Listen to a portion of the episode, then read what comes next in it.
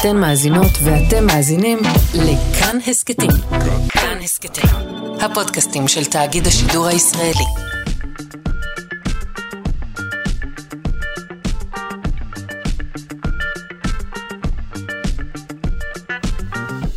שלושה שיודעים. שלום, אה, כמה טוב שהצטרפתם לשעה השנייה שלנו, שלושה שיודעים בכאן תרבות, מגזין המדע והידע אה, של כאן, תאגיד השידור. שמעו, ליאונרדו דה וינצ'י ניסה לחקות כנפיים של עטלפים. זה לא כל כך עבד, אבל מלאכת החיקוי של הטבע הולכת ומשתכללת. את השעה הבאה כולה אה, נקדיש לביומימטיקה או ביומימיקרי. זה תחום שמבקש לשאוב השראה מהטבע. נלמד כאן על הנדסה שמושפעת מטרמיטים, על רכבת שמחכה שלדג, על זכוכית בטכנולוגיה של קורי עכביש אה, ועוד. תהיה איתנו הדוקטור מיכל טופז, היא מובילת חינוך לקיימות במכון דוידסון לחינוך מדעי. זה קורה עוד רגע. בינתיים בואו ניתן אה, קרדיט לעוסקים במלאכה. אה, לעורכת שלנו, אה, אלכס לויקר, למפיקה, תמר בנימין, למבצע הטכני, אלון מקלר. בשעה הזו סייעה לנו גם ויviana דייטש. אני שרון קנטור, ואני אומרת, בואו נתחיל.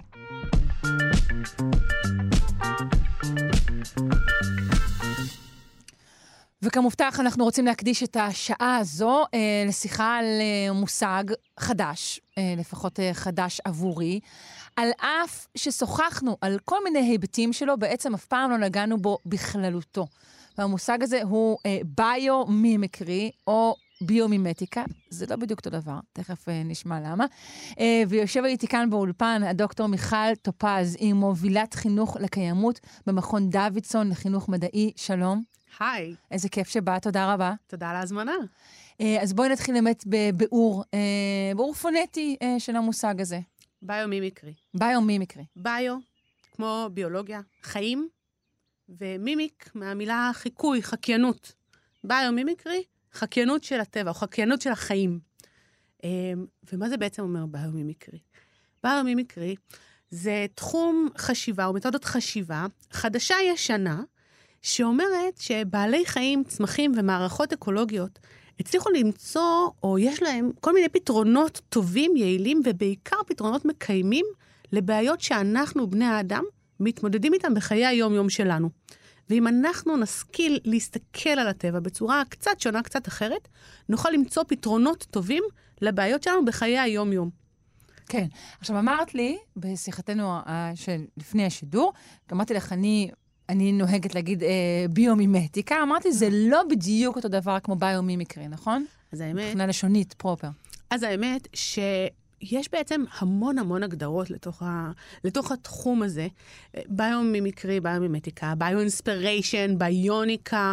אה, יש אפילו כנסים שלמים שמתעסקים רק באיך צריך להגדיר את זה. ולכל אחת מההגדרות, ביודיזיין, לכל אחת מההגדרות יש איזה מין טוויסט קטן, קצת שונה, קצת אחר. בגדול כולם מדברים על קבלת השראה מהטבע, איך אנחנו יכולים להסתכל על עולם הטבע וללמוד ממנו, לקבל ממנו השראה, בין אם זה להעתיק מבנים מדויקים, ובין אם זה לקבל השראה מעקרונות שעובדים בטבע.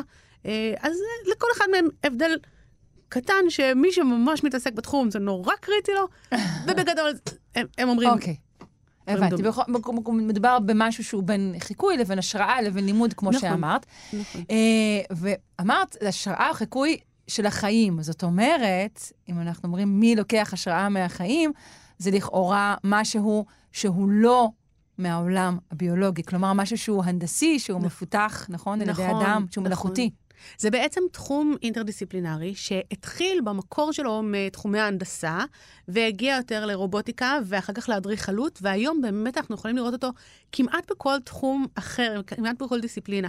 אפשר לראות את זה ברפואה ובמדעי ההתנהגות, וממש כמעט בכל תחום אנחנו יכולים לראות איך אנחנו יכולים ללמוד או לקבל השראה מהטבע, אה, להעתיק או לפתח פיתוחים שונים אה, של עצמנו, למען עצמנו, לפעמים למען הטבע, אה, בהשראת הטבע. אז מצד אחד אנחנו נמצאים פה באמת בחוד החנית אה, של, ה- אה, של חשיבת זמננו אה, לגבי מדע. מצד שני, זה נשמע לי עתיק כמו נשמע המחשבה. נשמע כמו. משהו, כן, מה, זה נשמע כזה קדם סוקרטי כמעט, זה נשמע מאוד מאוד ישן. זה נכון, כי גם... או אפילו לפני, הרבה לפני. לגמרי, כי גם האדם הקדמון בעצם, כשהוא רצה לבנות uh, כלי נשק ורצה לבנות חצים, הוא הסתכל על שיניים של בעלי חיים טורפים. כן. וממש אה, יצר משהו מאוד מאוד דומה. כשרצו לבדוק איפה להסתתר אה, מפני אה, מזג האוויר, למשל, הסתכלו לאן בעלי חיים בורחים, וברחו גם למערות. אה, זה איזושהי התפתחות משותפת שהייתה כל הזמן, וחשיבה מאוד מוקדמת, שקצת איבדנו אותה בדרך. זהו, כלומר, יש פה איזה משהו שהוא קצת רטרו. נכון, לגמרי. אגב, הראשון שאנחנו יודעים ש... שעשה... אני, אני אגיד רגע עוד משהו, כי זה לא סתם שיש פה חשיבה על הטבע ולמידה מהטבע, יש פה למידה מדעית מהטבע, יש פה למידה שיטתית, יש פה ניסוי, יש פה... אה, אה, כל, כל המאפיינים השונים של מדע נמצאים בתוך, בתוך התחום הזה. עדיין זה משהו יחסית מוקדם, כי הראשון שאנחנו יודעים שממש ברמה המדעית ניסה לתכנן ולדייק, או לפחות אנחנו מכירים את השרטוטים שלו. דה וינצ'י. 1900, 1500, 1900, 1500, 1495, הוא כבר התחיל לתכנן את מכונת התעופה הראשונה, כשהוא הסתכל על כל מיני בעלי חיים מעופפים. הוא הסתכל על הטלפים, הוא הסתכל על שפיריות, כמובן על ציפורים, והוא ניסה ממש להעתיק את המבנים שלהם כדי לבנות מכונת תעופה ראשונה. עכשיו, הוא לא הצליח, כי היה חסר לו ידע בפיזיקה שלא היה באותה תקופה. אבל, אבל הנה, כן. אבל את אומרת, ההבדל, לצורך העניין, בין דה וינצ'י לבין אה, אדם קדמון שלמד שלבישת אה, אה, אה, פרוות דוב אה, טובה להישרדותו, ההבדל הוא בת- בתפיסה, בניסיון לנתח מדעית את מה עובד כאן, ולא רק להתבונן ולהגיד, אני אעשה כמו. אז יש פה עוד משהו אחד, כי לבישת פרוות דוב אומרת לקחת מהטבע. אומרת להשתמש בטבע. ופה, בתחום ביומימיקרי, אנחנו לא רוצים Mm, להשתמש נכון. בטבע, אנחנו רוצים ללמוד מהטבע ולחקות אותו בצורה מכנית או בצורה אה, אה, הנדסית כלשהי. אנחנו לא רוצים לקחת את הטבע ולפגוע בטבע. כן. אז זה, זה עוד הבדל. אבל כן, ההבדל הנוסף הוא שפה יש לנו איזושהי חשיבה יותר שיטתית, ואיזושהי חשיבה יותר אה, רחבה וכללית, אה, שמשהו שיכול להשפיע על, על, על כלל החברה, משהו יותר רחב. ואמרת גם מקיימת, ואני תוהה עד כמה באמת, ה... שוב, כן נקרא לזה דחייה אולי של, של מחשבה כזו, עד כמה היא כרוכה גם ב, בעלייה מסוימת של, של חשיבה אקולוגית, וההבנה שהדברים האלו לא, הם לא נפרדים. אנחנו לא יכולים לחשוב על, על מדע וקדמה בערוץ אחד נפרד, ועל הטבע ב, בערוץ שני. עד כמה הדברים האלו כרוכים? אז ז- זאת שאלה קצת טריקית, כי, אמ, כי כאן אני חושבת שאפשר להפריד קצת בין האנשים שמדברים ביומימיקרי וחושבים ביומימיקרי, ובין האנשים שמפתחים ביומימיקרי, שלא תמיד החשיבה המקיימת עומדת בראש עיניהם. יכול להיות שמה ש... מה, מה שהם חושבים זה יותר, סתם לדוגמה, אמ, אני רוצה לפתח רובוט אמ, שנראה כמו חתול, ולכן אני אפתח רובוט שנראה כמו חתול, ואני לא חושבת על כמה חסכוני באנרגיה או כמה חסכוני בחומר. אבל אם עשיתי את זה בצורה טובה, בגלל שחתול יהיה, החתול הביולוגי, יהיה בהכרח חסכוני באנרגיה, בתנועה שלו, ויהיה בהכרח חסכוני בחומר, בפרווה שלו, במבנים השונים שלו. אם אני אחקה אותו מספיק טוב, הערך המוסף של זה יהיה שהפיתוח שלי יהיה מקיים בכל מקרה. שוב, אם אני אעשה את זה מספיק טוב. כן. אבל אני, מה יש גם... שהתכוונתי רק, רק אני אפתח סוגריים, כן, כן. זה שעצם הנטייה לחשוב שאולי אה, ה- ה- הדבר, התנועה הגמישה ביותר לרובוט, אה, כדאי לקחת אותה מחתול, אולי עצם סוג המחשבה הזה נובע ביחס, מהיחס החדש שלנו מהעשורים ב- בדיוק, האחרונים. בדיוק. אני, אני כן חושבת שיש הבנה מאוד מאוד גדולה היום למעצבים, למתכננים, אה, למהנדסים, שאנחנו חושבים טוב יותר על החומרים שלנו, אנחנו חושבים יותר טוב על ההשלכות ועל ההשפעות של מה שאנחנו עושים, של מה שאנחנו מייצרים, ולכן אנחנו כן מחפשים, המתכננים והמעצבים, כן מחפשים אה, מקורות השראה ש, שיהיו להם השלכות טובות יותר. ולכן החזרה הזאת לטבע, החזרה הזאת בעצם ה- אה, אחורה, השימוש בטכנולוגיות הכי חדשניות וב- ובמדע הכי הכי אה, חדשני, ביחד עם מקורות ההשראה המאוד מאוד ראשוניים, בעצם מוביל אותנו באמת גם לשימוש בחומרים טובים ויעילים, אבל גם בדרך חכמה ונכונה. אוקיי, אז אה, אחרי שקצת אה, פרסנו את, ה, את ההקדמה, כדאי שניגש לדוגמאות, ואחר כך נראה איך כל הדברים שאמרנו עכשיו, נראה איך הם מעוגנים אה, בשלל הדוגמאות המדהימות אה, שהבאת לנו לכאן. נזכיר למי שהצטרף, אנחנו עם דוקטור מיכל טופז, היא מובילת חינוך לקיימות במכון דוידסון לחינוך מדעי. אז בואי נדבר על דוגמאות של אה, ביומימיקרי, כאלו ש, שכבר קיימות ומיושמות, נכון? אז תראי, הדוגמה המוכרת ביותר, והאמת היא הכי הכי גדולה ויומיומית, היא בעצם הפיתוח הראשון שנרשם כפיתוח ביומימטי, והסיפור, מעשה שהיה כך היה. מהנדס בשם ג'ורג' דה מסטרל הלך לטייל עם הכלב שלו, והוא שם לב שעל הכלב, על הפרווה של הכלב, נתפסו המון המון קוצים. כן, מכירים את זה, כאילו, דבלולי רסטות כאלה עם קוצים ועלים. נראה לי שכל מי שיש לו כלב מכיר את הייאוש של לשבת ולפלוט את הקוצים מהפרווה, וזה באמת, זה יכול לקחת מלא זמן וזה נורא מייאש. אבל הוא שם לב למשהו מעניין. הוא שם לב שהרבה יותר היה קל לקוצים להידבק לפרווה, מאשר קשה להוציא אותם החוצה. וזה הגיוני, ואז הוא בעצם חזר בחזרה לעולם הביולוגיה, ושאל כמה שאלות. עכשיו, הוא היה מהנדס. אבל הוא הולך לבדוק קודם כל למה הקוצים נתפסים כל כך בקלות על הפרווה. אז הסיבה לזה, מבחינה ביולוגית, היא נורא הגיונית. בתוך הקוצים נמצאים הזרעים של הצמח. הצמח רוצה להרחיק את הזרעים, או לא, לא רוצה, הצמח מרחיק את הזרעים שלו אה, כמה שיותר רחוק. בעצם משתמש בבעלי חיים כמו בתחבורה ציבורית. כלומר. הצמח רוצה להרבות את נכון, זרעו להתפשט. נכון, אני נזהרת מלהגיד רוצה, עוד לא רוצה, כמובן. רוצ... כמובן, כן, אנחנו כן, כן. בהשאלה בלבד. לגמרי. אה. אה... אבל הצמח, המטרה האבולוציונית כן. היא להרחיק כמה שיותר רחוק את הזרעים, כדי mm-hmm. להפיץ את עצמו כמה שיותר רחוק ורחב, ולכן בעצם אה, השימוש בבעלי חיים שונים ממש אה, ככלי תחבורה בשביל ההפצה הזאת. ולכן בעצם יש פה איזשהו מבנה. עכשיו, לק... הלך ג'ורג' מסטרל בתור מהנדס ואמר, אני אבחן את המבנה המיוחד, כי במבנים אני מבין. לקח את הקוץ ושם אותו מתחת למיקרוסקופ, ומצא שם מבנה של זיזים קטנים, שנתפסים על לולאות, בעצם על קשרים בפרווה של הכלב. והזיזים האלה הם כמו קרסים קטנים שנתפסים בעצם, מה שעוזר להתפסות מאוד מאוד קלה, ולהפרדה הרבה יותר קשה. Mm, מה לכיוון של הכרס, כמו שאנחנו מכירים קרסים. אוקיי. בדיוק. והוא בעצם הראשון שהמציא את הסקוץ', את הוולקרו. הוולקרו רגע, על איזה שנה אנחנו מדברים בערך? 1941? אה, וואו. כן. זה מה שמתחיל כמעט כמו אה, שורה בסטנדאפ גרוע. איך זה שהקוצים נכנסים לפרווה של הכלב ונורא בקלות, אבל לא יוצאים ממנה? אה. מביא ל... מביא בסוף לאחד הפיתוחים הכי מכניסים של המאה הקודמת. וואו. כי אם אנחנו נסתכל, לכל מקום שאנחנו נסתכל, אנחנו נמצא סקוצ'ים. בשעונים, בנעליים, במעילים, בתיקים. אנחנו משתמשים בזה ברמה יומיומית. ומי ש... אחד, ה... אחת החברות שקנו את הפטנט הזה בעצם הייתה אה, חברה קטנה, קצת חסרת חשיבות, לא ממש מוכרת, נאסא העולמית.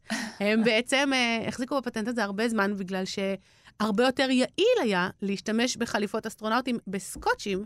מאשר בכל דבר אחר. רגע, אז הפטנט של הוולקרו היה שייך לנאסא הרבה היה, שנים? היה כל... שייך, אוקיי. כן, היום הוא כבר לא. בשעתו, כל פעם שמישהו משתמש במה שקראו לו, מה קראו לזה ריצ'רד יפני, נכון? בשל... היה דבר כזה. אז בעצם זה היה שייך לנאסא? זה היה שייך לנאסא. אה, וג'ורג' מסטרל כמובן אה, לא נשאר מקופח. אה, אני שמחה לשמוע. כך מספרים. אוקיי.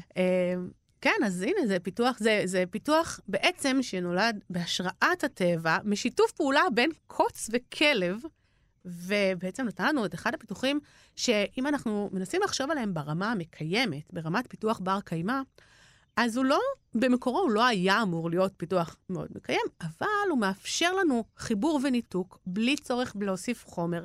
אנחנו לא צריכים להוסיף דבק שעלול אחר כך להיות אה, רעיל או מזהם. אנחנו לא צריכים כל פעם לנתק אותו ולחבר ולהוסיף חומרים חדשים. אנחנו בעצם יכולים להשתמש באותו כלי לחיבור וניתוק אין סוף פעמים בגלל שהוא מבני. הוא מבני, הוא הנדסי, זה העניין בדיוק, פה. בדיוק, בדיוק. Mm. הוא, לא, הוא לא כימיה נוספת. יא. Yeah. מהמם. אה, אז בואי נמשיך במסע שלנו אה, לתגליות והמצאות אה, ביומימטיות. אז, אז הנה, עוד, עוד סיפור שאני מחבבת במיוחד. שנת 2009, רופא כירורג הלך לבקר בגן חיות, והוא הכיר מישהו שהכיר מישהו שנתן לו ככה להיכנס מאחורי הקלעים, ואמר לו, ונתנו להאכיל את הדורבנים. עכשיו, הוא אמר לו, יש שני כללים מאוד חשובים בדורבנים, לא להשמיע קולות חזקים ולא לעשות תנועות חדות. למה? כי בגדול, כולנו יודעים שדורבנים יורים את הקוצים שלהם, ובקוצים שלהם יש רעל, ואנחנו גם כולנו יודעים שזה לא נכון. זה לא נכון. בקוצים של הדורבן אין רעל, והדורבן לא יורה את הקוצים שלו. אבל כן יש סיבה לא, אה, לא לעשות תנועות חדות. והסיפור הזה שוב צריך לחזור בחזרה לביולוגיה ולהבין משהו על דורבנים. דורבנים, אגב, בעל חיים שנמצא כאן בארץ ישראל, המכרסם הגדול ביותר בישראל, בעל חיים פעיל ערב ולילה, אה, יוצא להסתובב בשטח, מסתובב ומחפש אה, שורשים לאכול, מגיע בעל חיים טורף, למשל טן או זאב. מגיע אחריו ורודף אחרי הדורבן, הדורבן בורח מהזאב, הזאב אה, רץ קצת יותר מהר, והדורבן בשלב מסוים יעצור. כשהזאב לא ידע שהדורבן יעצור, הוא ייתקל בקוצים שלו. עכשיו, הקוצים של הדורבן עשויים מקרטין, בדיוק כמו השערות שלנו ובדיוק כמו הציפורניים שלנו. אה, חלבון שנקרא קרטין. אבל הקוצים בעצם מתנתקים, כמו שהשערות שלנו לפעמים נושרות, הקוצים מתנתקים מהדורבן ונתקעים בפנים של הזאב. עכשיו, אני אחזור רגע לחוקר הזה, שהלך לבקר בגן החיות, שלא הקשיב לכללים, שזה לא בסדר. אה, והוא מצא את עצמו, אה, הוא כנראה עשה איזושהי תנועה חדה ומצא את עצמו עם קוץ בתוך הרגל. עכשיו, אני לא יודעת להגיד באמת מה קרה שם ואיך יכול להיות ומי ומה, כי נראה לי, כאילו ברמות אדרנלין כאלה זה נראה, נשמע מאוד מוזר. אם כן, אני יכולה להגיד מניסיון אישי שאני היום כבר כן מבינה. הוא שם לב שהרבה יותר כאב לו להוציא את הקוץ מהרגל ממה שכאב לו כשהקוץ נכנס פנימה. וזה היה משהו ש... זה עיקרון מעט, מעט דומה. זה, זה לא סתם עיקרון מעט דומה, זה עיקרון מדויק. זאת אומרת, הוא הלך לנסות להבין למה, איך זה יכול להיות. למה, למה יותר כאב להוציא אותו החוצה? אז הוא שוב לקח את, המק... את הקוץ הזה ושם אותו מתחת למיקרוסקופ. ומה שהוא מצא זה, זה שוב זיזים, זה מבנים של זיזים קטנים שהולכים לכיוון אחד, אה, ממש כמו חץ, כמו צורה של חץ, אבל כן. עם המון המון המון זיזים שהולכים לכיוון אחד. כמו דוקרנים ביציאה למגרש חנייה. כן, נכון. אוקיי. okay. אה, שלחץ היה מאוד קל להיכנס פנימה, או לקוץ, היה מאוד קל להיכנס פנימה לתוך הרקמה החיה, אבל בעצם שם הוא נתקע. הוא לא יכל לצאת החוצה בגלל אותם זיזים. עכשיו, אני חוזרת בחזרה רגע לזאב. אם הקוץ של הדורבן היה חלק לגמרי, הוא היה נכנס ויוצא, קצת מעכב את הזאב, אבל לא יותר מדי, הזאב היה מצליח להתעשת על עצמו, מגיע וטורף את הדורבן. אבל אם הקוץ נתקע בתוך הרקמה של, ה, אה, של, של הפנים או של הגוף של, ה, של הזאב או של כל טורף אחר, בעצם זה מעכב את הטורף הרבה יותר אחורה. קשה לו להוציא אותו החוצה, לפעמים אפילו לא אפשרי, כי כשהוא ינסה להוציא אותו, רוב הסיכויים שהוא ישבור את הקוץ בפנים ולא יצליח לשלוף אותו, כי אין לו אצבעות גמישות כמו שלנו. אה, ו, ובעצם זה משהו שיכול עד כדי להרוג את הזאב. זאת אחת הסיבות שחשבו שבתוך הקוצים של הדורבן יש רעל mm. או יש הרס. אה, זה יכול להרוג בגלל שהקוצים הם לא נקיים, וזה יכול ליצור פצע ו, אה, וזיהום. עכשיו, חוזרת בחזרה לחוקר הזה, שאמר, אוקיי, אם יש פה מבנה מעניין שיכול לעזור, והחוקר הזה היה רופא, כירורג, כלומר, איך אני יכול לקחת את הידע הזה שלמדתי עכשיו על קוצי הדורבן, ולהעביר אותו, לעשות, חש... לעשות העברה של הידע מעולם הביולוגיה לעולם הרפואה, לעולם הניתוחים הכירורגיים. והוא המציא חוט תפירה כירורגי עם זיזים קטנים שהולכים לכיוון אחד, שבעצם גורם שכל תפירה של פצע תהיה הרבה יותר קלה, הרבה יותר מהירה, יצטרכו פחות תרופות הרדמה, פחות זמן בחדר ניתוח, פחות תאורה בחדר ניתוח, פחות ידיים עובדות על כל פצע, ובעצם כל התהליך יהיה הרבה הרבה יותר מהיר. למה התפירה יותר מורג? כי מצד אחד הוא חלק מאוד, או... הוא, הוא חלק, ולא uh-huh. צריך לקשור כל כמה זמן. אוקיי. Okay. אז צריך פחות אנשים mm. שיקשרו, שיחזיקו. כי הוא לא, כי הוא לא ייפרם, הוא, הוא לא פשוט נכנס וזהו. בדיוק, ושם הוא mm. נשאר. עכשיו, כמו רוב החוטים היום, זה חוטים שנמסים, כך שלא צריך גם להוציא אותם, כדאי שמי שתופר אותם יהיה מאוד מיומן, כי לא מוציאים אותם, אבל בעצם ברגע שהחוט מחזיק את הפצע עצמו, אז הכל הרבה יותר מהיר, ואפשר לעשות את הכל עם פחות ידיים עובדות אולי. ו... זה החוט שבו אנחנו משתמשים לתפירת אנוש אה, גם היום? אה, אני לא יודעת להגיד. אם, אם, אני לא יודעת להגיד אם בישראל משתמשים בו, אני יודעת mm. שבעולם משתמשים okay. בו, אוקיי. אני לא יודעת להגיד אם ואיזה mm-hmm. בתי חולים משתמשים בו בישראל. אני גם לא יודעת אם את יודעת, נגיד, את אומרת לי, אוקיי, ואז הוא המציא חוט כזה, שזה...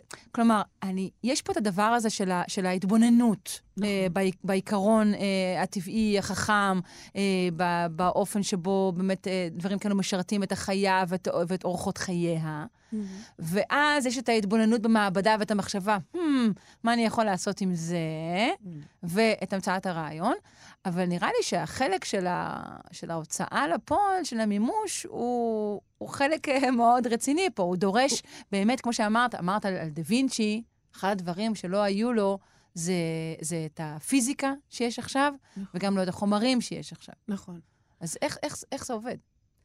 אמ, מן הסתם תלוי על מה אנחנו מדברים. זה, אבל- בדיוק. זה מאוד תלוי בתחום, זה מאוד תלוי ביכולת, אה, מאיפה הגיע המחקר, אם הוא מחקר מהאקדמיה, אם הוא סטארט-אפ אה, תעשייתי, אה, זה מאוד מאוד משתנה. ובאמת, אבל הדבר העיקרי זה שבעצם יש פה כמה כיווני חשיבה, ובגלל שאנחנו מדברים על תחום כל כך אינטרדיסציפלינרי, אז יש כאן מחויבות לשיתופי פעולה, לשיתופי פעולה אה, של מחשבה. אז בעצם, כשאנחנו מגישים לביומימיקרי, אנחנו הרבה פעמים אומרים שאנחנו יכולים לחשוב על זה מאחד משני כיוונים. אפשר לחשוב אה, מביולוגיה להנדסה. כלומר, אם יש לנו ידע ביולוגי נורא נורא מגניב, ועכשיו אנחנו חושבים מה אפשר לעשות איתו. כן, תשמע, אתה לא יודע, ראית הדבורה הזאת, אתה לא מבין מה היא עושה, אתה חייב ל... זה, הכיוון הזה. לא רק זה, אנחנו משנות ה-60 יודעים שעל כרישים, על האור של כרישים, אהה. לא גדלות בקטריות. בקטריות לא מצליחות לבנות מושבות, קולוניות, על אור של כרישים. יודעים את זה שנים. שוב, יודעים את זה ביולוגים. זה או- ביולוגים. ביולוגים יודעים את זה, לא כל אחד יודע את זה. אוקיי. אבל עכשיו, אנחנו באים ואומרים, אוקיי, אם יש פה ידע כל כך מגניב וכל כך חשוב, איך אנחנו יכולים ליישם אותו? איך אנחנו יכולים ללמוד ממנו, לקבל ממנו השראה, וליישם אותו למשהו אחר? אז בעצם אנחנו שואלים, מה בעולם שלנו צריך להיות אנטי-בקטריאלי? מה אנחנו רוצים, איזה סוג של משטחים? הכל, הכל צריך להיות אנטי-בקטריאלי. מצד אחד הכל, מצד שני, אנחנו גם לא רוצים שהכל יהיה אנטי-בקטריאלי, אנחנו לא. רוצים לגמרי להיות... אנחנו אה, לא רוצים סטריליות. נכון. אנחנו לא רוצים סטריליות, אנחנו כן רוצים איזושהי עמידות וחסינות, אבל כן, אנחנו יכולים לחשוב על כל כך הרבה דברים שאנחנו כן רוצים שיהיו אנטי-בקטריאליים, דברים שאנחנו שוטפים בחומרי ניקוי שנורא נורא מזהמים מי תהום אחר כך, אה, שעלולים להיות רעילים לנו לנשימה. אם הם יהיו אנטי-בקטריאליים בגלל מבנה, למשל, אה, משטחים בבתי חולים, למשל, מעקה של מדרגות בבית ספר יסודי, או ידית של שירותים ציבוריים. כל הדברים האלה, זה קשה, שאנחנו... זה קשה, יש אנשים שקשה להם לשמוע את הרצף הזה, כן. כן, כן, כן, זה, זה, זה לגמרי. אה, אבל כל הדברים האלה, אם אנחנו נוכל לקחת ולשים עליהם טפט, מדבקה, והיום יש כזאת, ממש מדבקה שיש לה מבנה שמחקה את האור הכריש, מבנה מיקרוסקופי, אנחנו לא נרגיש אותו, לא יעשה לנו שום דבר. אבל המבנה הזה גורם לכל הדברים להיות אנטי-בקטריאליים. זו מדבקה של זמן. ממש, שבשלב ממש הייצור בעצם נמצאת על הדברים? בדיוק, אוקיי. ממש טפט, שמקלפים צד אחד שלו, מדביקים אותו על איזה משטח שרוצים. על מקלדות של מחשבים ציבוריים, על כל דבר. אה, וההשראה של זה היא... היא- היא- מבנה האור של מבנה הכרישים. האור של הכרישים? עכשיו, וואו. ושוב, זה ידע על כרישים שאנחנו יודעים אותו המון שנים. אבל רק עכשיו אנחנו מצליחים ליישם אותו. עכשיו, בשנים האחרונות, אנחנו מצליחים ליישם אותו. אנחנו מתחילים לשאול את השאלה, מה בעולם ההנדסה, התכנון, העיצוב, צריך להיות אנטי-בקטריאלי? עכשיו, הדבר הזה יכול להיות, השאלה יכולה להיות גם מהכיוון השני. אנחנו יכולים לשאול אה, שאלות בהנדסה, שיש לנו איזשהו אתגר הנדסי, ואנחנו רוצים לחפש את הפתרון בביולוגיה. אז אה, למשל, יש אה, סוגיה באמת, באמת חשובה וקריטית של אה, חלונות בבניינים גבוהים.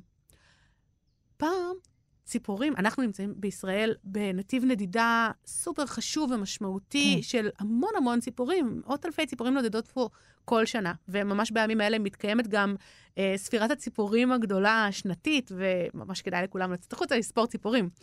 אה, אבל אה, פעם ציפורים היו עוברות פה בלי בעיה, והיום אנחנו בונים נורא נורא גבוה. אנחנו בונים המון, ובהרבה מאוד מקומות שציפור, אותה ציפור, שנה שעברה עברה בנתיב מסוים, השנה כשהיא תעבור שם, יהיה שם בניין. ובעצם כשהציפורים עפות מול בניין והן רואות את החלונות, הן לא בהכרח רואות שיש שם חלון, הן לפעמים רואות את ההשתקפות של מה שקורה מאחוריהן, הן רואות שמה, המשך של שמיים, פשוט מתנגשות בחלונות.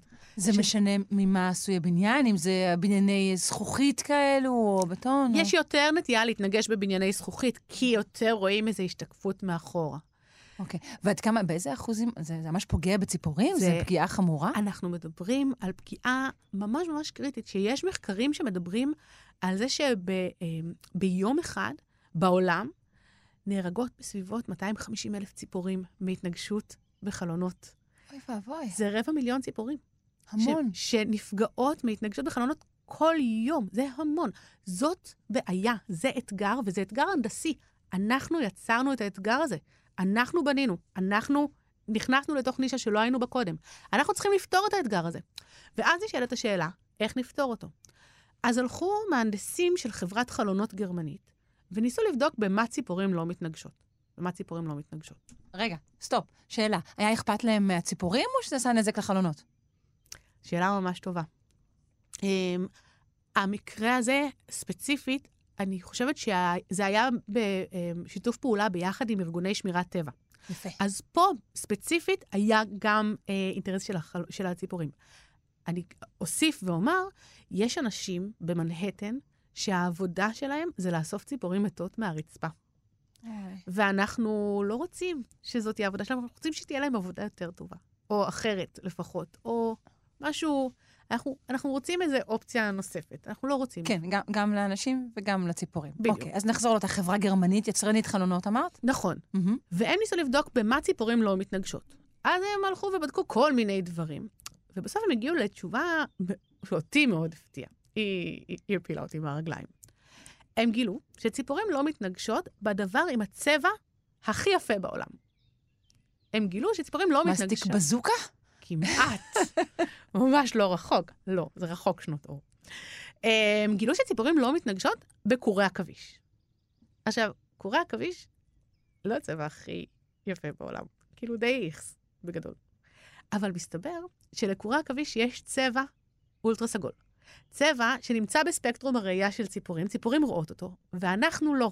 בני אדם לא רואים את הצבע המדהים הזה, ולכן אני לא יכולה לתאר את כמות הפעמים שהלכתי לעבודה והנחתי יד על איזה שיח בשיא הנונשלנטי ונתקעתי עם מלא קורי עכביש ביד. לא, אומרים שזה בריא, אבל. כן? כן, אני ישר דווקא ההפך, אני רוחצת בהם. אבל זה באמת... זה, זה לא יורד, זה נדבק, זה... אז זאת אומרת אה, שבתוך הרשתות האלו יש בעצם, בעצם יש אור ב... אה, אולטרה סגול ב... שאנחנו לא רואים, בדיוק. והציפורים כן רואות? בדיוק, בתוך החלונות... והעסק הזה הוא מכוון? זה איזשהו דיל בין, בין, בין, בין העכבישים לבין ציפורים? כן, כן, ממש ככה, כי עכבישים לא רוצים לתפוס את הציפורים, הם רוצים לתפוס חרקים. והציפורים, אם ייתקלו בתוך, בתוך קורי העכביש, יהרסו אותם. אה, לא עובד טוב, לא, לא יעיל. Mm. עכשיו ציפורים רואות אה, צבעי UV מכל מיני סיבות נוספות ואחרות, אבל העובדה בסופו של דבר זה שציפורים, חלק מהציפורים, לא כולם, רואות UV, אנחנו, זה לא בספקטרום הראייה שלנו, אנחנו לא רואים אותו. ולכן מה שעשו חברת החלונות, חזרו בחזרה לחלונות שלהם, ובאמצעות לייזר שרטטו עם UV, כמו קורי עכביש על החלון. ככה שציפורים רואות את החלון הזה, לא מתנגשות בו. אנחנו יכולים להסתכל החוצה, אין לנו שום בעיה. לנו זה לא מפריע, להם זה עוזר, הן יכולות לעקוף, ואנחנו יצרנו איזשהו פתרון, והפתרון בהשראת הטבע. עכשיו, כמו, ש, כמו שכיוונת קודם, אני מאוד אוהבת את הפיתוח הזה, לא רק בגלל שהוא מלמד אותי כל כך הרבה דברים שלא ידעתי קודם, אלא בגלל שהוא פיתוח שלומד מהטבע כדי לשמור על הטבע. כדי, הוא ממש מכוון שמירה, שמירת טבע טובה. זה האפקט הכפול, אה, גם יעילות אה, וגם קיימות. בדיוק, בדיוק. אמ, יפה, אנחנו תכף נשמע עוד דוגמאות מדהימות, אבל נזכיר למי שהצטרף שאנחנו עם דוקטור מיכל טופז, עם מובילת חינוך לקיימות במכון דוידסון לחינוך מדעי, ואנחנו משוחחות על אה, ביומימיקרי או ביומימטיקה. אמ, תלוי באיזה סוג של לועזית אתם רוצים להשתמש. אה, יש עוד כמה דוגמאות מדהימות שאנחנו חייבות לעבור עליהן, נכון? למשל, אה, רכבת השינקסן, הרכבת היפנית, זו דוגמה מדהימה. רכבת השינקנסן, חתיכת דוגמה נהדרת. אמ, כל הנושא של תחבורה ציבורית ותחבורה בכלל מעסיק אותנו בלי הפסקה כל הזמן, בכל החשיבה המקיימת. כי זה אחד האתגרים הגדולים, אנחנו רוצים להגיע ממקום למקום בצורה טובה, יעילה, מהירה, ו- ו- וגם מקיימת. אמ, והמהנדסים ביפן הצליחו לייצר את הרכבת המהירה ביותר בעולם, השינקנסן, רכבת הקליע. אמ, והצליחה להגיע למהירויות מדהימות, מטורפות, והייתה לה בעיה. כל פעם שהייתה נכנסת למנהרות ויוצאת ממנהרות, בגלל הפרשי לחצים... היו נסתמות לכולם האוזניים. אולי. אולי גם. אולי גם. אבל הדבר היותר גרוע זה שהייתה משמיעה בומים, רעשים אלכוהולים שהיו נשמעים לפעמים למרחק של 8-9 אה, קילומטרים מהמנהרה. זאת אומרת, כל מי שגר במרחק 8 קילומטרים מהמנהרה, או 9-10 קילומטרים מהמנהרה, היה שומע כל פעם שרכבת יוצאת מהמנהרה. וזה מטרד. מטרד, כי להחליף זיהום אחד בזיהום רעש, זיהום אחר, לא עשינו בזה כל כך טוב, וזה באמת מטרד, ולכן הפסיקו להם את העבודה של הרכבת. הם לא יכלו להמשיך ולהסיע את הרכבת המהירה ביותר בעולם והמדהימה ביותר בעולם, ישבו המהנדסים ובכו ובכו ובכו. עד שאחד מהם, במקרה לגמרי, הגיע להרצאה בנושא צפרות באחת האוניברסיטאות ביפן, וגילה שיש ציפור שבעצם מתמודדת עם אותו אתגר בדיוק. או אולי לא בדיוק, אבל אותו אתגר בהעברה קצת אחרת. הוא שמע על השלדג. והשלדג, שבעצם הוא עף באוויר, מפרפר ומרפרף עם הכנפיים, והוא צריך להיכנס לתוך המים כדי לדוג את הדגים שלו. עכשיו, התווך של האוויר והמים הוא קצת שונה, והשלדג חייב להיכנס בלי להשמיע קול ובלי להשפריץ. אחרת הדגים יברחו. הדגים יברחו. אחרת הוא יישאר רעב. אז כשהוא עושה את זה, הוא בעצם מסדר את הגוף שלו, מכוון את הגוף שלו בצורה ממש כמו של חץ, ונכנס למים בזווית מאוד מאוד מדויקת, שבה הוא לא משפריץ, הוא לא משמיע רעש, הוא עובר טוב מתווך של אוויר לתווך של מים, ומצליח לתפוס את הדגים בצורה טובה. חזר המהנדס בחזרה לרכבת, ושינה שם רק את המבנה של הקטר, לא יותר. את המבנה של הקטר ממבנה ישר כזה, שבעתי, למבנה שהוא בצורה יותר דומה לחץ, שהוא מבנה אווירודינמי. מבנה שמצליח לחתוך את האוויר טוב יותר, להיכנס טוב למנהרה, לצאת טוב מהמנהרה ולא להשמיע רעש. אבל היה פה עוד by-product נפלא נוסף, כי אנחנו יודעים שמה שמשמיע רעש בהכרח מבזבז אנרגיה. זאת אומרת, כשאנחנו מדברות, אנחנו בהכרח פעילות עכשיו יותר מאשר אם אנחנו יושבות ולא עושות שום דבר. אנחנו מבזבזות יותר אנרגיה. הרכבת... אין, שלא לדבר על זה שאנחנו כרגע מפדלות, וכך כל, ה, כל החשמל של האולפן אה, בעצם אה, עובד. ורוקדות סטפס. אנשים לא יודעים סטפס. את זה. ורוקדות סטפס על הראש של העובדים בקומה שלוש, נכון. בדיוק. אה, אז ברגע שהרכבת בעצם הפחיתה את הרעש שלה, בהכרח היא גם הייתה יותר יעילה אנרגטית. כלומר, היא נסעה יותר מהר על אותה צריכת אנרגיה, בפחות רעש, וככה בעצם הרוויחו מכל הכיוונים, והכל בגלל שלדג קטן. כי אנחנו יודעים שהטבע כשלעצמו, כמו שאמרנו, הוא, הוא כמעט תמיד לא בזבזני. נכון. אם הוא בזבזני זה לצורכי, לא, איזה רבייה או איום או דברים כאלה, אבל השלדג בהכרח תנועתו תהיה חסכונית? נכון. התנועה, המבנים, אה, האסטרטגיות של הטבע, הן יהיו הכי חסכניות, או אה, חסכניות במידה שמאפשרת להם להמשיך ולהתקיים. אה, זה נכון שזה קצת רומנטי להגיד שהטבע לא בזבזני בכלל. זאת אומרת, זה לא, זה, זה לא שאין בכלל פסולת או, או, או בזבוז משאבים בטבע. כן. אבל בגדול, הטבע הוא בר הקיימא האולטימטיבי, שאנחנו יכולים לשאוף כל הזמן ולנסות ולהסתכל עליו.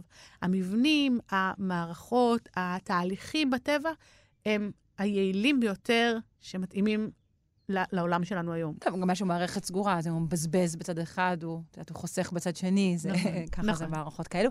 אה, נכון. אבל ברכבת הייתה גם השראה מינשופים? כן, כן, כן. אחרי שהם סיימו את ה... את תהליך השלדוג. את תהליך השלדוג, זה מעולה. אחרי שהרכבת סיימה את תהליך השלדוג שלה, והם שינו את הקטר, והם אה, באמת חגגו את היציאה לדרך של הרכבת, הם בעצם אה, חזרו בחזרה לעולם הביולוגיה, וחזרו בחזרה לעבודה עם הביולוגים. אה, וניסו לבדוק עוד משהו אחד, כי על הגג של הרכבת יש מעין מבנים כאלה שנקראים פנטוגרף. פנטוגרף זה, זה מין קופסאות שמחברות את חוטי החשמל בין הקרונות. והקופסאות האלה, הם קצת שברו את המבנה האווירודינמי של הרכבת, ובכל זאת השמיעו איזשהו רעש. אה, אז, אז חזרו המהנדסים בחזרה לביולוגים ושאלו איזה עוף הוא עף הכי בשקט. מי בכל זאת יכול אה, לעזור להם לשבור בצורה טובה את מערבולות האוויר למערבולות קטנות יותר, שבעצם ייעלו עוד יותר את הנסיעה של הרכבת. חזרו בחזרה ומצאו את המבנה של, אה, של עופות דורסי לילה בכלל. ינשופים, תנשמות, אוחים. Mm-hmm. דורסי לילה כן. בעצם יש להם התעופה סידור... החרישית הזאת שלהם, זה מדהים. מדהים. כן. אה, יש להם בעצם, איך הם עושים את זה? יש להם מבנה מיוחד של סיבים, מבנה של סיבים מאוד מאוד קטנים על הנוצה. הנוצה בעצם מסודרת בצורה כזו שבכל משק כנפיים, המערבולות אוויר נחתכות למערבולות קטנות יותר, שבעצם גם עוזרות לדחוף טוב יותר את, את העוף קדימה, אבל גם עוזרות להשתיק מאוד את התעופה. כשאנחנו שומעים רעש אה, של המון המון יונים שעפות, אנחנו שומעים את רעש משק הכנפיים שלהם. כן. אבל בתנשמות, בינשופים, אנחנו לא נשמע את זה. אז הלכו המהנדסים ובנו איזשהו מבנה מודולרי מאוד מאוד פשוט, שהוא בסך הכל מדמה את אותו מבנה של סיבים קטנים על הנוצה, והצליחו להשתיק את הרכבת עוד יותר. גם מרעש הרוח של הפנטוגרף על, על הגג, וככה בעצם גם להגביר את המהירות של הרכבת. עכשיו, אנשים שהיו ביפן ונסעו ברכבת הזאת, אומרים שזה אחד הדברים המופלאים, כי אתה עומד על הרציף, ופתאום הרכבת שם. זאת אומרת, מי שרגיל לנסוע ברכבת ישראל, למשל, שומע אותה מגיעה מהתחנה הבאה כן. כבר לקראת הרציף הנוכחי. וביפן באמת הרכבת מאוד מאוד שקטה, וכל דבר זה בהשראת הציפורים.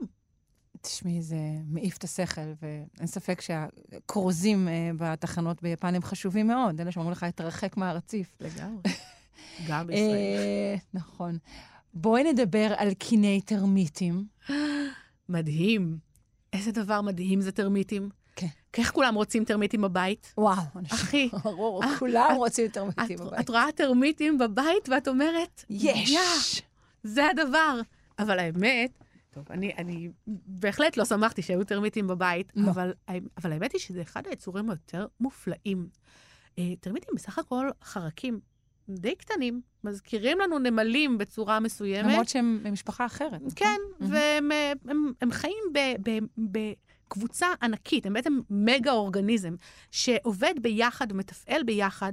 ואנחנו מדברים ספציפית עכשיו על הטרמיטים שנמצאים באפריקה הדרומית, באזור אה, נמיביה, בוצואנה, דרום אפריקה, שהם מיוחדים? מה מיוחד? שהם מין, מין קצת אוקיי. אחר, זאת אומרת, הם המין שנחקר לצורך הפיתוח הספציפי הזה. יש אוקיי. עוד מינים ש, שבונים טילים ענקיים, בישראל אנחנו מכירים טרמיטים של, שלא בונים את התל שלהם, אבל אנחנו מנסים רגע לחשוב על תל הטרמיטים הענק הזה, שבטיולים לפעמים או בתמונות רואים שזה אותו. הכל פסלים מטורפים. זה נראה כמו פסלים משוגעים, הם יכולים להגיע לגובה של חמישה, שבעה מטרים, אפילו יותר לפעמים, ובעצם נבנים על ידי חרק נורא נורא קטן. אבל הדבר הזה, חוץ מאשר שזה פסל נורא יפה ונורא מיוחד, הוא הרבה יותר גאוני. כי הטרמיטים הם לא סתם אה, חרקים, הם גם מהנדסים או אדריכלים מבריקים, וגם חקלאים גאונים. הטרמיטים של אפריקה הדרומית, הם אוכלים פטריות.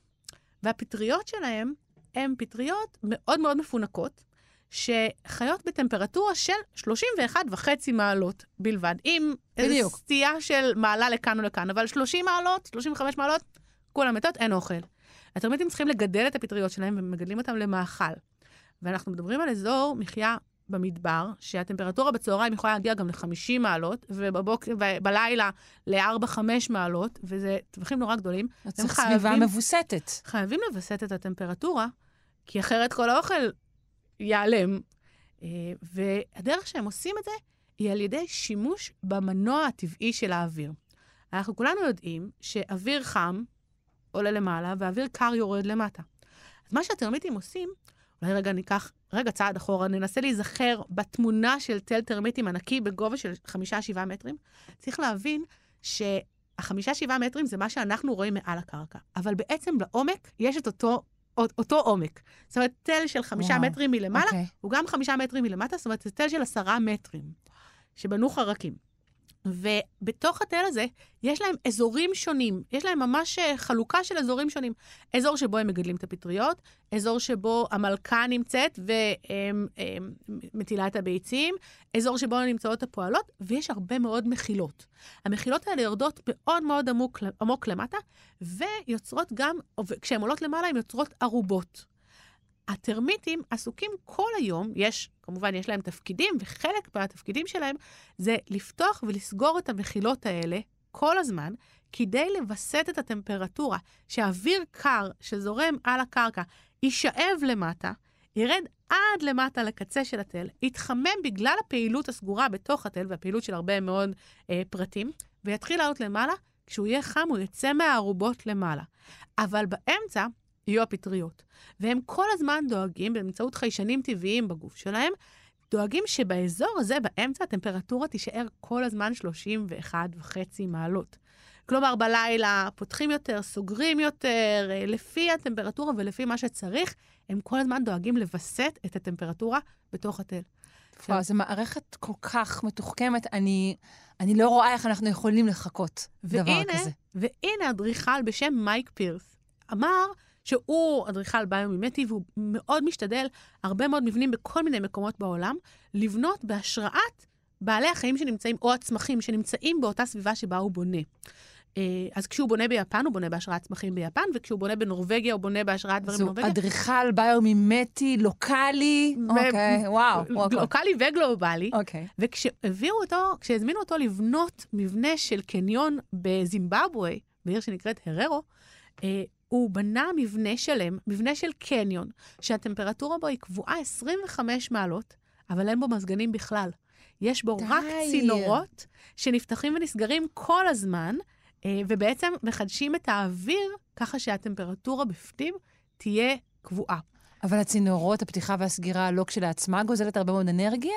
אז זאת, זאת גם, זאת שאלה מצוינת, ואני אגיד מכיוון כזה. um, בהתחלה הוא עשה את, הצ... את המערכת הזאת טכנולוגית, כי זה הגיוני, וזה גם קל. זאת אומרת, מה זה קל? זה קל לאנשים שמתעסקים עם זה, זו טכנולוגיה שקיימת היום ואין איתה כל כך בעיה. ובאו מבקרים על הפיתוח ואמרו, מצד אחד, אה, הטרמיטים עושים את זה בעצמם, ומצד שני, בזימבבואה יש הרבה אנשים שמחפשים עבודה. אל תעשו את המערכת טכנולוגית, תעשו אותה ידנית, שאנשים יוכלו לפתוח ולסגור את המערכת, ככה שגם יוכלו לקבל מקומות עבודה וגם לשלוט על המערכת בצורה טובה ויעילה. אז הוא בעצם לקח את הטכנולוגיה צעד אחורה, ונתן באמת עוד מקומות עבודה ועוד אפשרויות תעסוקה לאנשים שם בסביבה. וואו, איזה סיפור. אה, יש לנו זמן לעוד דוגמה אה, קצרה אחת. אמ, אולי נדבר על השראה מהיפופוטמים? מהיפופוטמים. אמ, יאללה, היפופוטמים, אחד היצורים הבאמת קצת, קצת מופלאים, קצת הזויים בטבע, כי קצת, הם קצת, יש להם את המוזרות שלהם. אבל יש דבר מאוד מעניין אצל היפופוטמים. היפופוטמים בטבע חיים רק באפריקה. באפריקה נמצאים בנהרות. הם חייבים להיות במהלך היום בתוך המים. הם יוצאים החוצה בלילה להסתובב. אה, השמש היא מאוד מאוד מסוכנת להיפופוטמים, לאור של ההיפופוטמים מאוד מאוד רגיש לשריפה מהשמש, לכן הם חייבים להישאר כל הזמן רטובים. ו, אה, וההיפופוטמים הם חיים בנהרות שלא תמיד הכי נקיים, או יותר נכון, בדרך כלל לא נקיים, נהרות מזוהמים. והם גם, נוסף על כל זה, הם גם בעלי חיים מאוד מאוד אגרסיביים. יש הרבה מאוד מלחמות בין היפופוטמים, בין זכרים, גם בין נקבות, והרבה פעמים יש להם פצעים, והרבה פעמים הם, הם פוצעים אחד את השני עם השיניים שלהם, יש להם שיניים שיכולות להגיע לאורך של 35 סנטימטרים. ניבים משוגעים. בשביל בעל חיים צמחוני זה, זה באמת משוגע. כן. אמ, אז בעצם יש פה איזושהי סכנה שהשיניים והפצעים יזדהמו מהמים, היפופוטם לא יוכל להיות בתוך המים, יצא החוצה, השמש עלולה לפגוע בו. יש פה הרבה הרבה, הרבה אתגרים בשביל uh, בעל חיים.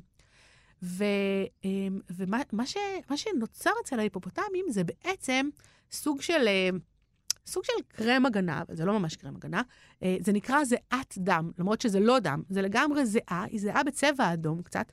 שבעצם מייצרת להיפופוטמים שכבה שהיא גם אנטי-בקטריאלית, היא גם יוצרת איזשהו קרם הגנה נגד השמש, אמ, והיא אה, בעצם מסייעת להיפופוטמים להסתדר הרבה הרבה יותר טוב. אה, גם אם ההיפופוטמים נפצעים, לא קורה, זאת אומרת, השכבה הזאת היא בעצם מסייעת לפצעים שלהם לא להזדהם. ובשיתוף עם המים זה בעצם יוצר להם איזשהו קרם הגנה נגד השמש, שעוזר להם לא, לא להישרף מהשמש, ובעצם מגן עליהם בצורה טובה יותר. אוקיי, ואז מה, אנחנו לוקחים את השכבה הזו, בודקים מה יש בה ויכולים לחקות אותה? מנסים לחקות את הכימאים, גם ביפן וגם בארצות הברית. יש כמה מעבדות שמנסות לסנטז את החומר הזה, מנסות לקחת את החומר, לפרק אותו, להבין מבחינה כימית איך הוא עובד, ולנסות לייצר דבר כזה, מוצר כזה שיכול לסייע לנו. עכשיו, שיהיה אם- גם קרם הגנה וגם אנטי-בקטריאלי ומין איזה פתרון חובק כזה. בדיוק, ואז בעצם אנחנו יכולים אה, לקחת אה, בבקבוק אחד משהו שהיום אנחנו משתמשים בשניים או שלושה בקבוקים, אה, כדי בעצם לאחד את, ה... לאחד כל הדברים האלה ביחד ולהשתמש רק במוצר אחד, שזה דבר די גאוני. כן, זה גאוני. אני כמובן מיד חשבתי על הבקבוק. כן. שבטבע אין צורך. כאילו, אם יש בקבוקים, הם לא בקבוקים, הם חלק אינטגרלי בדיוק. ממך, אבל זה אבל אנחנו, עוד, אה, כשאנ... כשאנחנו רוצים, כן, אנחנו כן רוצים שאנשים יצליחו לקנות, אנחנו כן רוצים לייצר. עכשיו, נכון, אבל יכול להיות שפתרונות עתידיים יהיו יותר, אנחנו ניקח משהו, דווקא נבלע משהו שיגרום להורינו להפריש אה, אה, חומר שיגן עליו. נכון, נכון. אבל אנחנו מנסים לחשוב כרגע על פתרונות שהם, אנחנו, אנחנו כל הזמן חושבים בצורה ספירלית. זה נכון תמיד לכל פיתוח. אה, אנחנו חושבים ספירלית כי אנחנו מפתחים דבר מסוים, אנחנו רוצים שהוא יהיה מוצר שכבר קיים, ואחר כך נחשוב על איך אנחנו יכולים לשדרג אותו, איך אנחנו יכולים לייעל אותו עוד יותר.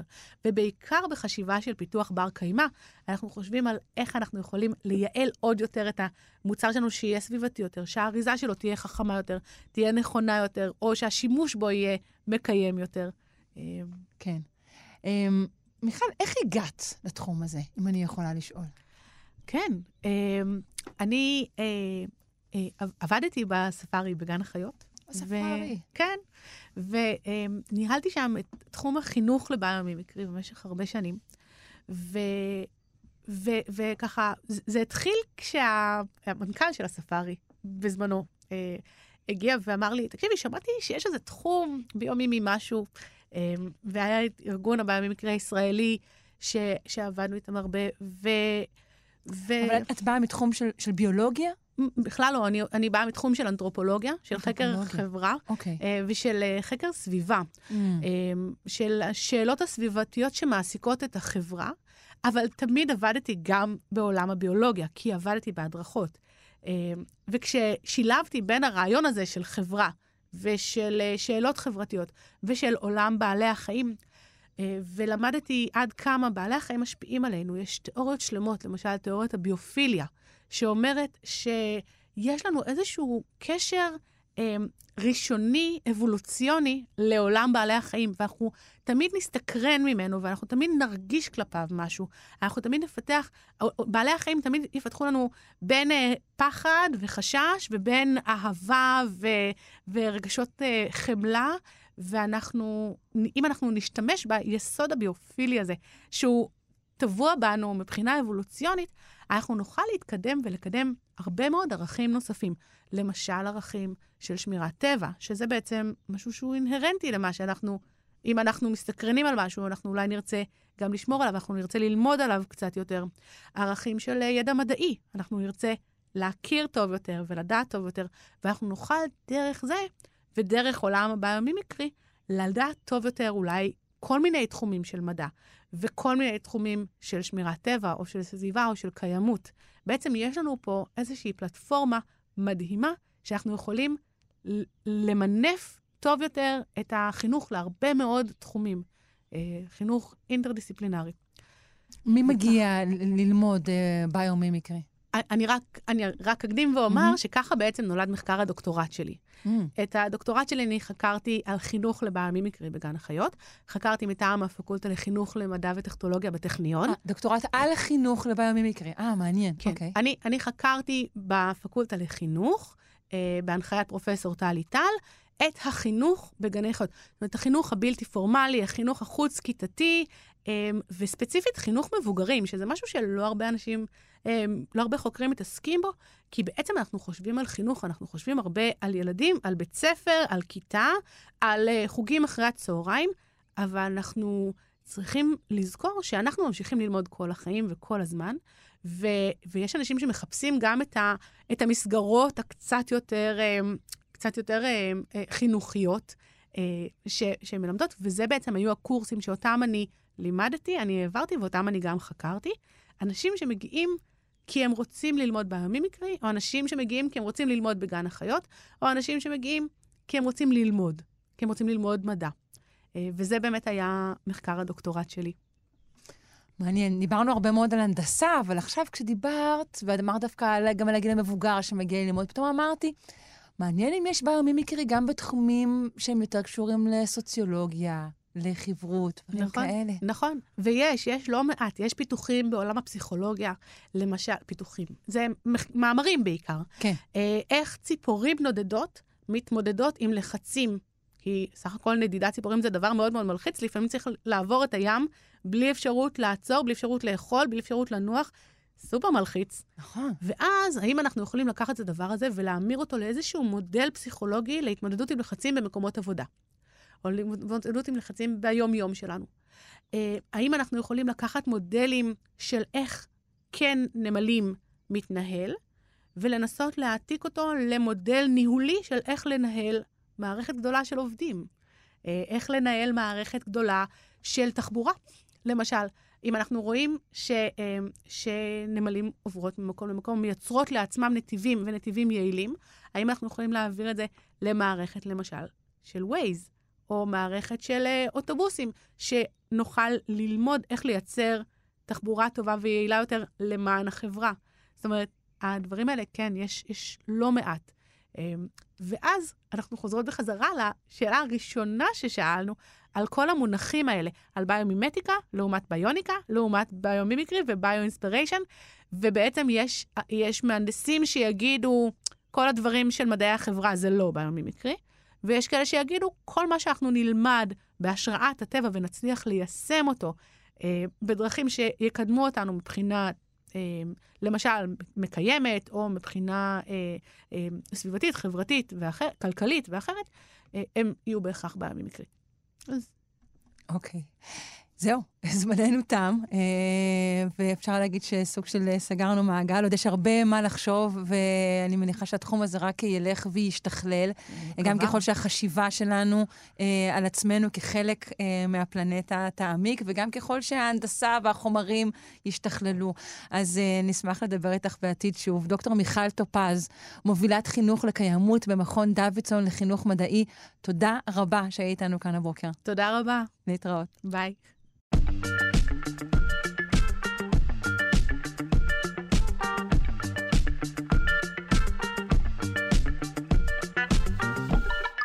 עד כאן שלושה שיודעים להיום. אם החמצתם את השעה הזו, אה, או שעות אחרות, אתם אה, מוזמנים להאזין לנו בשידור החוזר בשעה שמונה, או לפתוח אותנו כהסכת. מסודר ונהיר אה, ביישומון של כאן או בכל יישומון אחר. נודה לביביאנה דייטש על התחקיר, ולעורכת אלכס לויקר, ולמפיקה תמר בנימין. על הביצוע הטכני היה כרגיל אלון מקלר. אני שרון קנטור. המשך יום נעים.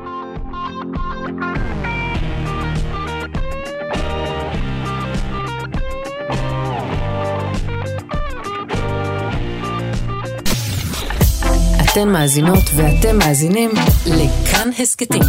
כאן הסכתים, הפודקאסטים של תאגיד השידור הישראלי.